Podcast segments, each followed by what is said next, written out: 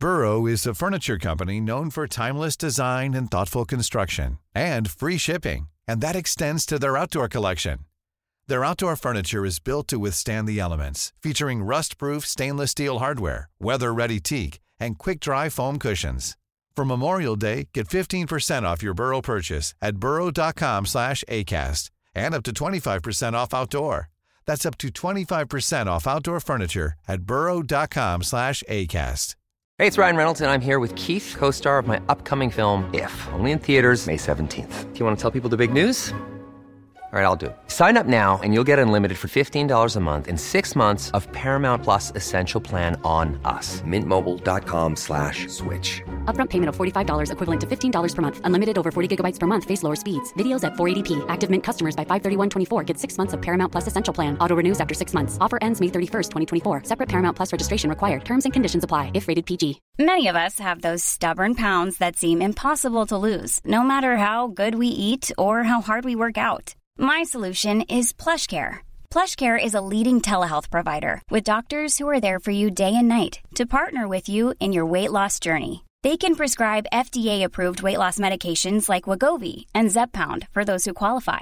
Plus, they accept most insurance plans. To get started, visit plushcare.com slash weight loss. That's plushcare.com slash weight loss.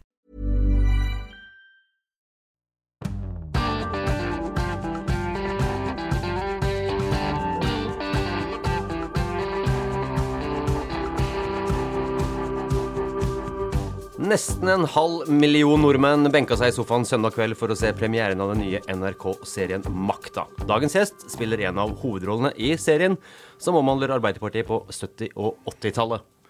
Velkommen til Ukas omadressert, politisk redaktør Siv Sandvik og kulturkommentator Terje Eidsvåg. Dere har selvfølgelig sett serien og er i studio. Hyggelig det, for så vidt, men aller hyggeligst er jo at en glede å ønske selveste Bjartmar Gjerde, holdt jeg på å si. Øyvind Brandtzæg, velkommen. Ja, tusen takk. Det var Bjartmar. Du, Øyvind, hvordan er det når du har spilt inn én ting, og så tar det lang tid før det er premiere, og folket blir kjent med det du har spilt kanskje for ett og to og tre år siden? Hvordan er ventetida? Det er, kjempe, det er kjemperart. Du glemmer det. Jeg er vant til teaterprosjekter, og de er jo bare slutt, og da glemmer dem. Du bare sletter det tvert. Det er ikke noe sånn nostalgi der. Og så blir det jo samme der, da. Her, da. At jeg bare glemte det.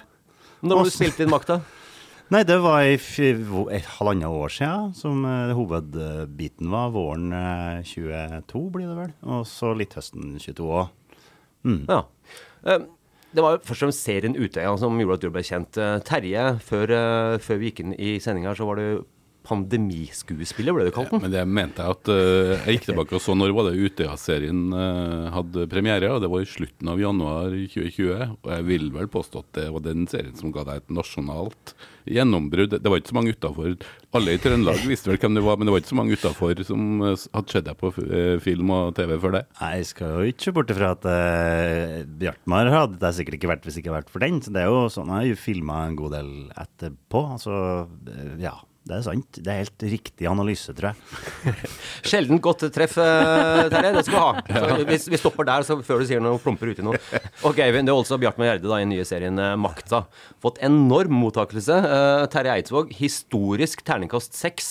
Og det har aldri skjedd i en norsk serie, kanskje en norsk film heller, det vet jeg ikke. Eh, Aldri ikke. Aldri en norsk serie. Faktisk det er det fyr, første gang. Og jeg har sett alle de seks første episodene som vises frem til jula. Ja, og så har du da for eventuelt nye lyttere sett film og serie siden eh, nesten eh, andre verdenskrig. Siden Bjarte Marie Gjerde. Ja, siden ja, faktisk. Siden han var Marie Gjerde var NRK-sjef, og vel så det. Veldig bra. Kort, Terje. Hva handler makta om? Eh, De første seks episodene som vises nå til før jul, handler om perioden 1974 til 1981 i Arbeiderpartiet og i Norge. Det er liksom sosialdemokratiets eh, siste høytid, vil jeg kanskje eh, si. Og så er det eh, tre hovedpersoner, vil jeg si. Det er jo Gro Harlem Brundtland, eh, Reiulf Steen og Oddvar Nordli. Hvor eh, to etter hvert ble statsministre og én var partileder. Og blant de store, viktige birollene så er da Bjartmar Gjerde, som for meg fremstår som en mye mer mektig og maktpolitiker enn jeg kanskje hadde sett for meg at han gjorde. Eh, så han har en viktig eh, rolle, og det er veldig artig å se Øyvind spille den her. eh, men det her er da en serie som også viser mye av de historiene som mange av oss som har vært journalister, har hørt om, men kanskje ikke har lest om i media i den tida de foregikk. Eh, så her er det, mange, det er makt om, maktkamp om politikk, men her er det også fyll, eh, sex, eller i hvert fall seksuelle tilnærmelser, og mye av det livet bak kulissene i det her eh, nærmest statsbærende partiet som Arbeiderpartiet eh, var gjennom store deler av den epoken her. Hvordan var det, Eivind, å få den rollen som Bjarte Gjerde, og ikke minst spille uh, i den serien? Nei, Det var jo kjempefint. Først da tenkte jeg ja ja, det var en liten, bitte liten Men de har jo, og serieskaperne har jo gjort uh, Bjartmar til en viktig figur, en, en viktig på en måte kraft. da. Det er det jeg er gøy å spille. for det er Sånne karakterer som har en funksjon, som påvirker andre og har makt. Og det kan man jo bare anta stemmer. Der tror jeg de har tatt seg en del friheter.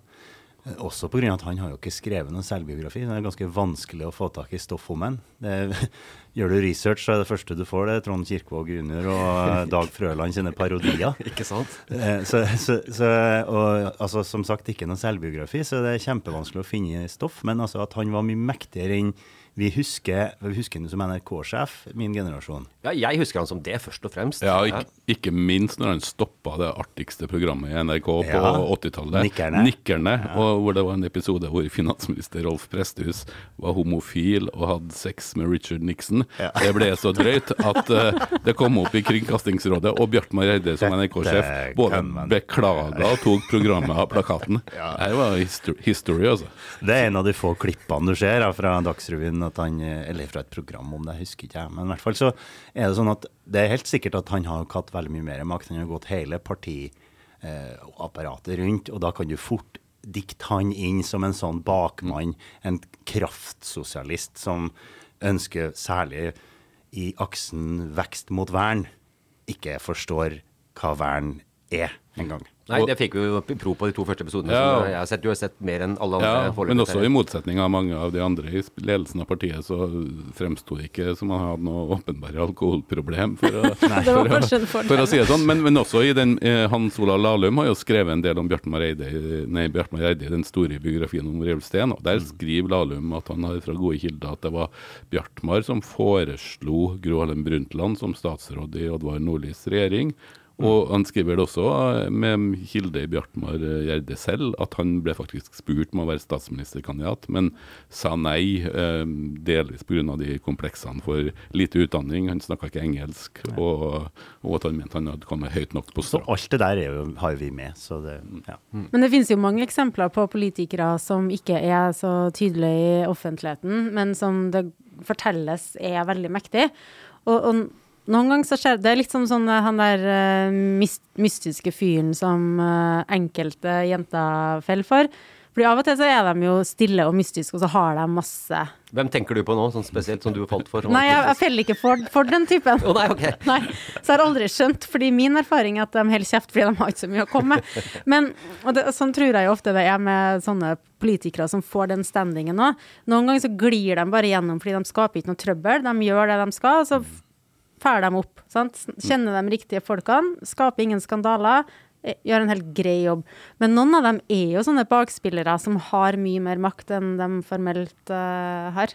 Jeg syns jo det er en sånn interessant, fordi eh, man kan jo tenke som utenforstående fra politikken at de ønsker å ha makt, de ønsker å være i sentrum, de ønsker å påvirke samfunnet og snakke med folk og være, ha stor profil. Men jeg tror jo veldig mange som går inn i politikken, går inn i politikken for de vil få ting gjort. At de har eh, noe eh, bak i ryggraden som de har, lyst til å, de har lyst til å påvirke samfunnet. Det må jo ligge bak. og Det, det syns jeg var veldig fin motivasjon da, for en karakter som absolutt ikke hadde lyst til å stå i sentrum. Ikke være eh, på TV, men få ting gjort. Og det er jo litt samme den parallelle til den uh, adressepodkasten vi har nå, Rått uh, parti, Ja. uh, der eh, Rita Ottervik eh, kommer fram Hun snakker jo veldig mye om den første tida. Uh, og hun er jo ei som ble valgt inn i styret selv allerede som 14-åring. Uh, fordi det var nå ingen andre som rakk opp hånda, så da gjorde hun det. Og det er en liksom typisk politikertype som uh, Jeg husker da jeg jobba i NRK, det var råvanskelig å få til å stille opp i Dagsnytt 18 og Politisk kvarter og sånn. Ikke bare når det var ting som var vondt og vanskelig, men generelt. Mens andre ordførere er sånn Yes! Endelig er det min sjanse til å sitte der og skinne på NRK. Så hun er ikke der i det hele tatt. Nei, det er mange Eh, som ikke er det. ja. Altså. Men, men eh, det å gå fram da, og når historie blir fiksjon, ikke sant, og du skal lage Nei, sorry. Du skal spille en historisk person, som Bjartmar Eide, da, og som ikke lever.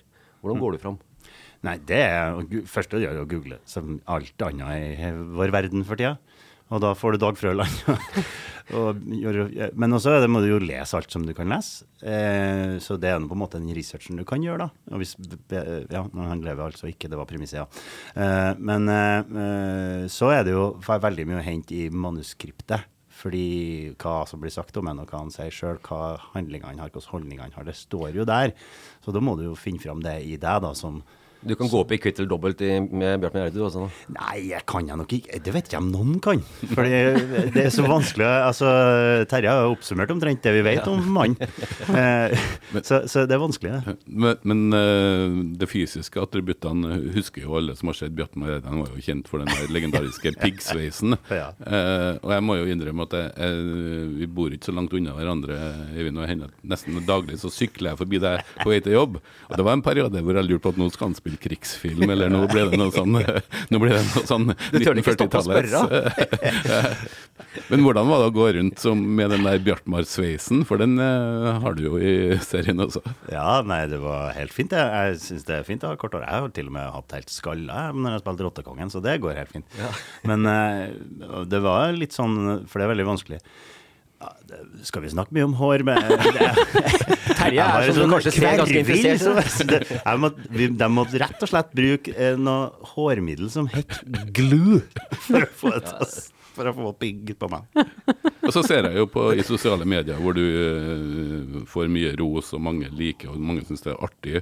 Og mange er også litt overraska over hvor mektig Bjartmar Reide er. Men jeg ser også noen som hakker litt ved lurer på hvorfor du snakker, har drag av nordnorsk dialekt. Er det, er det feilhøring, eller er det bevisst, eller hva i all verden er det? Nei, det er ikke bevisst. Jeg prøver å høres omtrent sånn ut som han gjorde. Altså, jeg har- har til og med brukt språkkonsulent på det fra Sunnmøre, for han er fra Sunnmøre. Eh, men det som skjer sant, når du kommer til Oslo på 60-tallet, slutten av 50-tallet, så får du beskjed om å snakke ordentlig. Sant? Så han har jo så han har jo normalisert dialekta si til det ugjenkjennelige. Eh, og det er jo den dialekta jeg prøver å herme litt etter, da. Men hvis jeg hermer for mye, så blir det over i sånn parodi igjen. Det blir Ja, for jeg liksom trodde det hørtes litt ut som en fra nord som prøvde å normalisere. Men det kan jo være at de har noen sånn felles konnotasjoner, eller eh, ikke konnotasjoner, eh, hva heter det? Men de snakker, han snakker jo Ja, på sånn, på denne, ja. denne måten. Men Og det forbinder er jeg med nordlendinger som prater sånn her. Så det er kanskje mitt jeg er utrente øre. Jo, men det er mitt utrente øre. Jeg tar selvkritikk. Jeg syns det var sånn Oi, det her er jo kjempebra. Det er sånn jeg husker Bjartmar han Ja, men jeg Inger, så jeg husker ikke. Ja, der kom den, ja. Mm. Nei, så det, men det er den eh, at det, Altså et problem til med dialekter og sånn, f.eks. Du kan ikke gjengi det helt realistisk fordi det går for sakte. Mm. Rett og slett. Det holder ikke tempoet til TV-serien.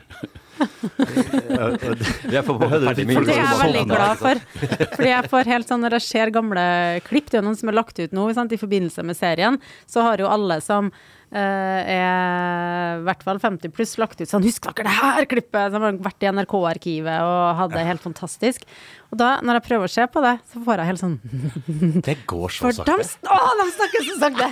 Du gleder deg til Jule Skomakergata nå? Nei, jeg gjør ikke det.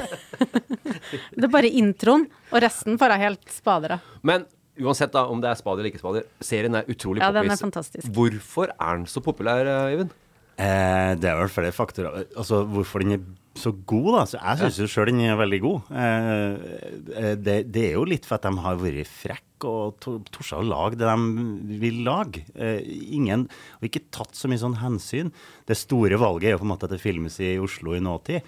Og, altså, Ja. Jeg har holdt med teater i veldig mange år, og vi har jo aldri brydd oss om å sette Shakespeare i datid. Det setter man jo der det passer best å fortelle historier. Så de har fortalt historier sånn som de har lyst til å fortelle den. Ja, det er jo elsparkesykler og sånn, eh, er ikke det som fikk forbi? Jo, så var det en mann eh, med Bolt-sekk, og det var ja, operaen. Ja, men også som- i an andre episoden, eh, som jeg har en veldig flott scene hvor jeg syns når de endelig vinner valget, tror de, før det gikk litt frem og tilbake, så, så ser du Oddvar Nordli feste og drikke til lyden av 'Det eneste jeg vil er å ha det fett' av da- da Dr. Erik, som jo kom som tidlig på 2000-tallet. Ja. Det, det er en, eh, ja, da, har du, da har du skapt noe som ikke bare er retta mot dem eh, vi over 50, som så vidt kan huske Bjartne og Gjerde, men som peker mot noe mye bredere, syns jeg. da. Altså, jeg tror jo det på en måte gjør en snerten stor da, i det. Men så er det jo en annen suksessfaktor her, er jo at dette her er helt sånn på grensa til hva de fleste, aller, aller fleste faktisk husker. Så man har en gratis nysgjerrighetsfaktor og gjenkjennelsesfaktor eh, på det, som jeg tror òg vi tjener eller altså sånn popularitetsmessig. Og så tror jeg at det går an å sammenligne litt med det, med det enorme oppstyret det særlig ble de siste sesongene av The Crown i England. Det er nære fortid. Det er det som skjedde før vi, like før vi havna der vi er nå. Eh, og fremstille helt sånn reelle maktkamper. Eh, men i England så førte jo det til så mye debatt, særlig i skildringa av forholdet mellom Charles og Diana, og Netflix etter hvert måtte legge en plakat som, som tydeliggjorde at det her faktisk er skrevet. For der ble jo serien beskyldt for å ensidig ta Dianas eh, Ja, ja, men det er åpenbart riktig. Men, nei, men, men, Ja, det er en men- diskusjon men- over Eidsvåg. Jo, men de diskusjonene kan man kanskje få litt her og etter, som Ja, forholdet mellom Gro, Reiulf og Oddvar males ut. Det var jo i Eh, Klassekampen allerede nå at det her er veldig helteportrett av Gro. Det var en forventa reaksjon. For det, det på en måte er jo en, en sånn serie trenger jo en del dramaturgiske elementer. Trenger antis, antifolk og må profolk. og hvem fokuserer du mest på? Jo, Gro. Da blir hun den vi identifiserer oss med. Altså, det, det blir nesten automatisk litt sånn. Men her med å altså, Den serien her påstår jo veldig tydelig at den ikke er eh, dokumentarisk eh, gjort. Det er jo veldig Ja, men det som er på en måte dilemmaet i det, da at sant, Selv om det står jo i starten så står det noe sånn at den er basert på sannhet, løgn og, og dårlig hukommelse. Og alle som har snakka om på vegne av serien, sier jo det du sier nå. Men jeg tror jo veldig mange eh, som er fra i hvert fall 40 og nedover, 45 og nedover, når de ser for seg eh, Reiulf Steen så framover, så vil de jo ikke se Reiulf Steen sitt ansikt. De vil se ansiktet til skuespilleren eh, Jan Gunnar eh, Røise. Eh, og de vil også, når du hører ekte historiske ting om han, så vil de se for seg at for sånn funker i hvert fall min hjerne, at det har skjedd på film. Det er sånn det var. Sånn som Churchill. Jeg har ikke lest noen bøker om han.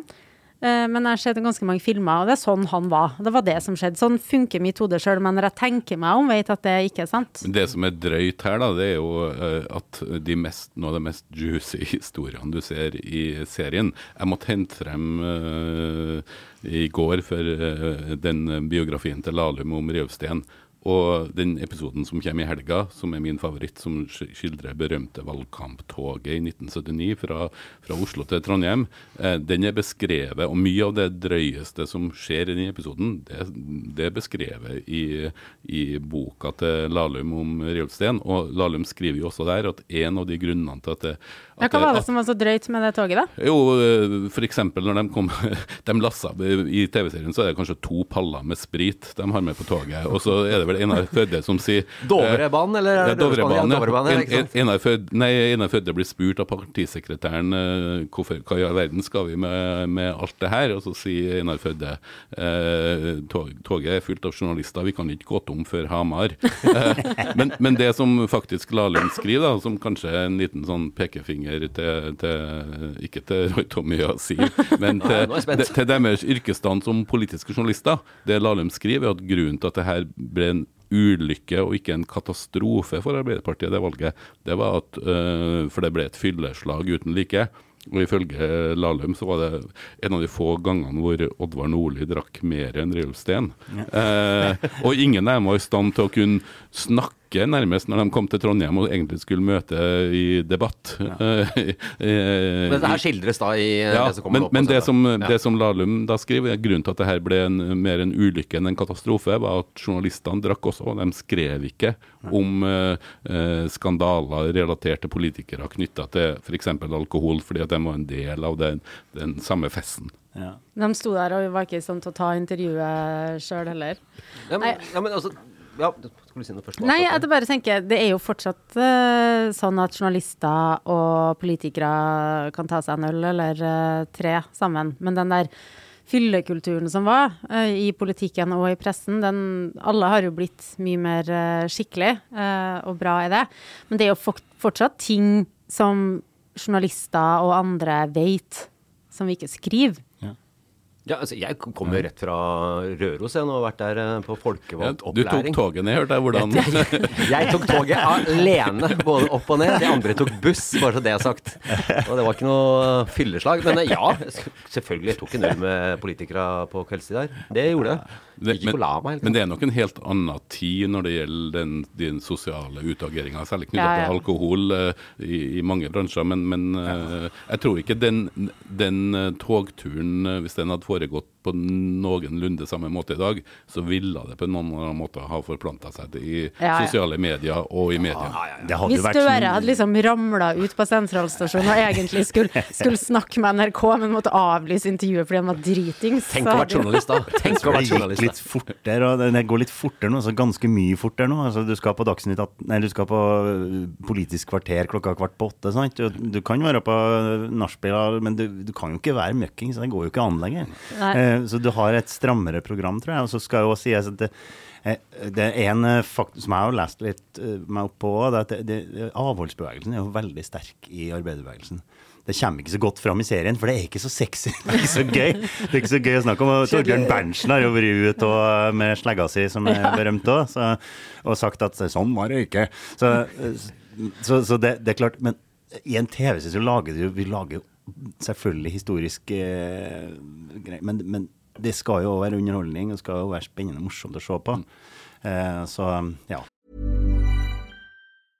This is Paige, the co-host of Giggly Squad, and I want to tell you about a company that I've been loving, Olive and June. Olive and June gives you everything that you need for a salon quality manicure in one box. And if you break it down, it really comes out to $2 a manicure, which is absolutely insane. It's also so easy to get salon worthy nails at home with Olive and June. The difference between how your nails used to look when you did them yourself and now with the Manny system is a complete game changer. The best thing about Olive and June too is it's a quick dry. Dries in about one minute, lasts for five days, and full coverage in up to one to two coats. Visit oliveandjune.com slash perfectmanny20 for 20% off your first system. That's oliveandjune.com slash perfectmanny20 for 20% off your first system. Hey, it's Ryan Reynolds, and I'm here with Keith, co star of my upcoming film, If, only in theaters, May 17th. Do you want to tell people the big news? All right, I'll do it. Sign up now and you'll get unlimited for $15 a month in six months of Paramount Plus Essential Plan on us. Mintmobile.com slash switch. Upfront payment of $45 equivalent to $15 per month. Unlimited over 40 gigabytes per month. Face lower speeds. Videos at 480p. Active Mint customers by 531.24 get six months of Paramount Plus Essential Plan. Auto renews after six months. Offer ends May 31st, 2024. Separate Paramount Plus registration required. Terms and conditions apply if rated PG. Hiring for your small business? If you're not looking for professionals on LinkedIn, you're looking in the wrong place. That's like looking for your car keys in a fish tank. LinkedIn helps you hire professionals you can't find anywhere else, even those who aren't actively searching for a new job but might be open to the perfect role. In a given month, over 70% of LinkedIn users don't even visit other leading job sites. So start looking in the right place. With LinkedIn, you can hire professionals like a professional. Post your free job on linkedin.com slash people today. Since 2013, Bombas has donated over 100 million socks, underwear, and t shirts to those facing homelessness. If we counted those on air, this ad would last over 1,157 days. But if we counted the time it takes to make a donation possible, it would take just a few clicks. Because every time you make a purchase, Bombas donates an item to someone who needs it. Go to bombas.com slash ACAST and use code ACAST for 20% off your first purchase. That's bombas.com slash ACAST, code ACAST. Men, men eh, når du framstiller da folk som tafatte, eh, sløve, fylliker Hva slags ansvar er det som du og dere da har med tanke på etterlatte? For det er jo såpass nært i tid. Eller familie, vil jeg kanskje Ja, familie. Ja, familie. det er jo noen som lever fortsatt. Ja, nei, man har jo ansvar for det, selvfølgelig. Eh, men Nei, det der er vanskelig. Eh, jeg må si, Hvis jeg skal svare for meg sjøl, så føler jeg at jeg har ansvar for uh, min karakter. Mm. på, I teater så har man et veldig sånn kollektivt ansvar, uh, og litt sånn i en TV-serie òg, men, men i veldig mye større grad har du da eh, ansvar for deg sjøl. Og jeg har ansvar for at uh, jeg føler at eh, jeg fant min med den engasjementet til, til Bjartmar. Det føler jeg at jeg fant, og at han bruker mange virkemidler på det. Det syns jeg, jeg, det synes jeg at jeg klarte syns jeg sjøl at jeg forsvarer uten at jeg faktisk har utsett det, da. Så jeg vet jo ikke. Men, men jeg har i hvert fall prøvd så godt jeg kan. Men, eh, men jeg syns jo f.eks. den scenen eh, som jeg tror kanskje var i forrige episode, runde Bravo-ulykka, Mm. eh, hvor, hvor eh, amerikansk ekspertise skal stå, trå til å hjelpe Norge med å avblåse en oljekatastrofe. Eh, og det kommer en telefon, og det blir tydelig at Bjartmar, som jo er eh, statsråd, da, Mm. ikke vil snakke. Og grunnen til at han ikke vil snakke med amerikanerne, er at han ikke kan engelsk. Jeg syns det er en ganske rørende bilde på hvordan det faktisk var for deler av den generasjonen med, med politikere som satt i fronten i Norge, og som også var grunnlaget for det norske oljeeventyret. Noen av dem snakka faktisk ikke engelsk, for de hadde bare seks-sju år på folkeskolen. Det er, og det er Bjartmar er en av dem. Han er en av de siste. Han og Oddvar Nordli er jo to av de siste som ikke hadde høyere utdanning, som var ministre. Det, klart det, det skillet der er jo et veldig viktig skille i Arbeiderpartiets historie. Fra, eh, fra nesten alle kommer fra arbeiderbakgrunn og har vært postbud og sånn. Og nå er de fra den tida her, så er de fleste leger eller ja, utdanna på andre måter. Da. Så Men vi ser jo fortsatt uh, spor av det. Altså, det var nylig en internasjonal undersøkelse som har gått gjennom utdanningsnivået til uh, regjeringa i ulike land. Og da har eh, Norge blant landene som har lavest utdanning eh, på regjeringshold, selv, men samtidig har blant de høyest utdanna eh, befolkningene. Og, men nå er jo lav utdannelse i den her. Ikke sant? Hvis du ser på USA, så har jo folk gått eh, sju år på eliteskoler, gjerne før de blir eh, toppolitikere. Samme i, i Frankrike. Så, men vi har jo fortsatt en eh, statsråd nå som ikke har noe mer utdanning enn videregående. Mm. Men har du gått videregående i Norge i dag, så kan du jo ganske mye mer, særlig om engelsk, enn du kan hvis du har gått sju år Altså. uh, back in the day. Mine barn kunne flytende engelsk for uh, når de var ni.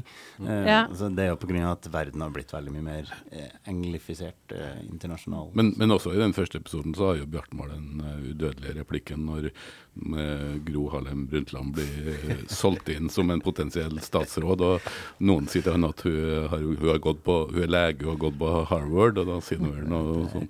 Ingen er perfekt. Og Dere med engasjementet, da, bare eh, har litt sånn syk mor på det. fordi eh, det, det, det blir jo fremstilt litt som sånn antitesen til Gro, Oddvar og Bjartmar her. Eh, og, eh, eller hva heter det? Antagonist, heter det. Eh, og eh, for, for min del da, så syns jeg jo på en måte det går an å se begge sider av den saken. Da. Og, og så syns jeg er en veldig fin scene i episode to der eh, Bjartmar rett og slett eh, argumenterer mot å verne Hardangervidda ved fordi, Rett og slett fordi det, Ja, det blir jo mindre arbeidsplasser. Eh, og det er for at hun liker å gå på ski. Og det er klart, nei, det er ikke, Han vet òg at nei, det er ikke fordi at hun liker å gå på ski, men sånn ser det ut. Og akkurat dette, sånn ser det ut. Det, jeg syns de kunne hatt en lang pause etter den når de gikk klippen, fordi det er så opp til dagens sånn ser det ut i, i eh, høye stillinger i, i regjeringsapparat, både forrige og nåværende. eh, At det er faktisk utrolig viktig hvordan det ser ut. Eh, og det er forferdelig lett å bruke. sant? At uh, nikkersadelen skal, bygge, skal ikke bygge noen arbeidsplasser på Hardangervidda, nei. Fordi der skal vi, vi syns ikke det er noe fint med gravemaskin. så, så akkurat det der syns jeg er så herlig å få forsvare den sida. Og plutselig så fikk vi se et klipp av eh, Gro og Reiulf på toppen av en eller annen på Hardangervidda på ski og sånn, som kommer bare skutt inn. Øla kanskje noe for noe. Det er det som er litt artig med den eh, serien her, at det, det bare hopper litt inn fra ja, diverse ting. Eh, utrolig artig. Men altså, kunne denne serien vært spilt inn fra 2017 til typ 2022? Du skjønner hvor jeg vil hen, Eivind? Å gud, nei, det tror jeg ikke. Jeg tror det må gå noen år. Jeg Ja. tror faktisk det er en, en forutsetning for å kunne ta seg sånne friheter, at det må ha gått uh, noen tiår. Og det har det jo her, det har gått 50 år, tross alt. Nesten. Men det som har skjedd i Arbeiderpartiet, var for å holde oss der, da, eh, fra si, 2015 da, og fram til nå, kunne det vært en serie om da 40 år? Ja, absolutt. Jeg håper de fortsetter. Det er jo synd med Bjartmar varer dessverre så lenge. Altså. Men, men, men eh, Nei, det er jo Du har, du har, nok av roller å hoppe inn i der òg, for å si det sånn. Ja, ja. Og det er mange andre. Altså. Jeg, jeg, jeg tror jo at det allerede kommer til å komme et uh, krav om at det her skal komme i flere sesonger. Du trenger jo ikke å gå så langt ut på 90-tallet før du hadde uh, Jens Stoltenberg og Torbjørn Jagland. Det er jo en, et drama i seg sjøl, maktkampen der også. Absolutt. Og det er også artig å se i den episoden som kommer på, i helga, da, den berømte togturen. Tut-tut etter episodene, Der er en purung Jens Stoltenberg med å lesse alkohol på vogna for da er han AUF. Eh, Ja. eh, sentralstyremedlem i AUF. Ja. Kan du si noe om eh, det kommer en eh, sesong to? Eh, Det kommer en sesong to, det vet vel de fleste, tror jeg. Den kommer i januar. så- Ja, men etter det igjen? Nei, det vet ikke jeg. Det tror ikke jeg. For jeg tror denne serien her er bygd opp rundt, Rundt Gro ja. Ja. Man må ta et valg der. Da fikk du ikke den. Kom en Jens. Nei, men jeg tror at det fort kan inspirere til at man uh, prøver å ta tak i Jeg er helt enig med Øyvind at jeg tror at det er smart at det går i alle fall ti år.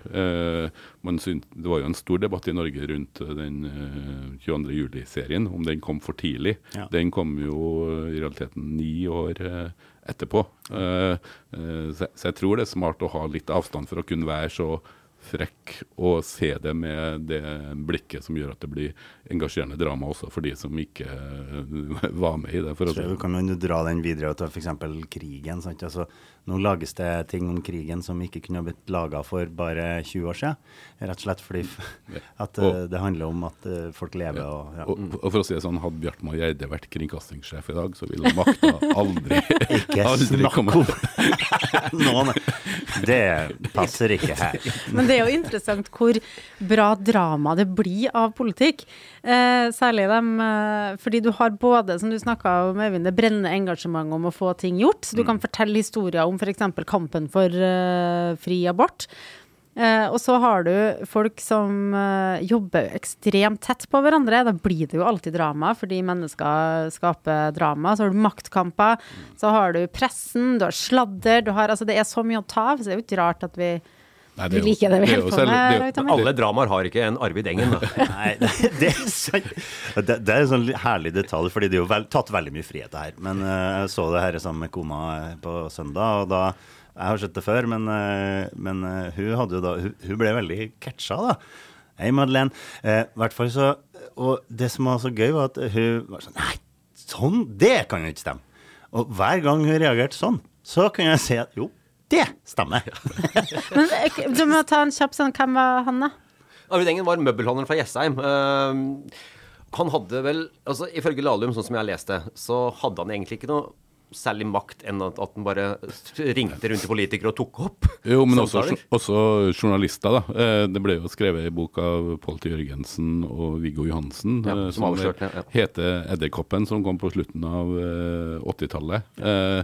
og som jo kasta et eh, grusomt lys over særlig Reulfsten. Eh, men eh, han hadde jo Han spilte jo på to hester samtidig hele tida. Han snakka med, med politikere, og han snakka med journalister. Mm. Og, så var det eh, Men hvem, hvordan kjente han den gjengen, han, liksom? han var jo en arbeiderparti... Opprinnelig så var det en Ja. par saker hvor han hadde sånn, engasjert seg. Engasjert. Han gjorde seg sjøl til en sånn viktig per, da. ja. Og så snakka han rundt, og så ble, var det vel til og med, hvis jeg husker rett, så var det om det var VG eller Dagbladet som kjøpte en båndopptaker og be, ba han om å avsløre jo Pål Tørgensen og Viggo Johansen i den boka. Som kjøpte båndopptaker som sørga for at de her samtalene han hadde på telefonen, eh, ble tatt opp, og også da avspilt for f.eks. f.eks. Her har vi muligheter. eh, Dette, har, dette er ikke noe nyhet for meg. Dette gjør vi fortsatt. Nei, vi gjør ikke folk, vi gjør ikke det. Men den boka finnes på lydbok. Eh, anbefaler lydboka, for der spiller de faktisk av eh, teipene. Oi! Ja. Nei, men altså, Si at han ikke hadde makt. Eh, Han, han hadde jo det gjennom det han gjorde, selvfølgelig. Men Lahlum avskrev liksom hadde en så stor betydning som han man kanskje Det skulle vet men det ser jo rart ut, for han ikke, det er ikke et menneske som har stemt på han der. Så det er jo det som er med folkevalgt, så handler det om at du har makt og skal ha makt, og det er fordi folk har stemt på deg. Det er jo demokratiet. Han var ikke valgt av noen. Men du er eh, medlem av Arbeiderpartiet, Øyvind. Ja. Um, det å spille en serie om Arbeiderpartiet, og med tanke på det du veit som har skjedd i Arbeiderpartiet, som vi var innom her nå, hvordan er det? Nei, det er flott. Jeg, altså, jeg, jeg har ingen problem med det. det, det jeg føler jo at denne serien her har et hjerte for sosialdemokratiet og for Arbeiderpartiet, faktisk. Eh, Selv om eh, det mulig ikke ser sånn ut for andre, men for meg så gjør det det. Og eh, jeg har et hjerte for Bjartmar Eide og for og fikk til og med være forsanger på arbeidervisene, for det har de jo ikke tenkt på. Jeg hadde med gitar og var liksom For jeg kunne jo ha sunget de sangene på Utøya og Du kommer på alle landsmøter under framover og bare Her har vi hjertet noe her. Spille. Det er fin tradisjon. Du Ja, er sånn bra konferansier, da, sånn antikonferansier. Å komme inn som Bjartmar Gjerde og skal liksom skape liv og stemning på et landsmøte, det hadde vært kjempemorsomt. Ja, det går for sakte, ja. Gratis tips der, altså. Kent, Kent Ranum har jo lagt ned sin Nils Arne Eggen-figur nå. Da kan jo du utfordre med å reise rundt og gjøre Bjartmar Gjerde. Kanskje det. kanskje det. Jeg har reist rundt en stund og gjorde Odd Børresen, husker jeg. Men jeg tenkte at eh, når han eh, la på røret, så legger jeg opp på det røret. Så jeg vet ikke, vi får se. Eh, Bare å ja. Ja, som sagt, det er flere Arbeiderpartipolitikere å bruke det som opp gjennom åra som det er muligheter å ta med seg videre. Det kan jo være det. Men eh, den Makta-serien her, kommer det til å ha noen som helst betydning på Arbeiderpartiet og innflytelsen, og eventuelt eh, på meningsmålinger osv.? Nei, øh, det jeg tror ikke den påvirker meningsmålingene, men vi ser jo allerede øh, mange som trekker paralleller til altså, Da var de jo kjempestressa når de ikke var over øh, 30, rundt 30-40 ja. i prosent i, i oppslutning. Så det er jo en mulighet for sånne som meg til å trekke paralleller til dagens situasjon og sånne ting, men jeg tror det blir liksom Det blir litt i bobla. Jeg tror ikke at det påvirker hvordan folk stemmer.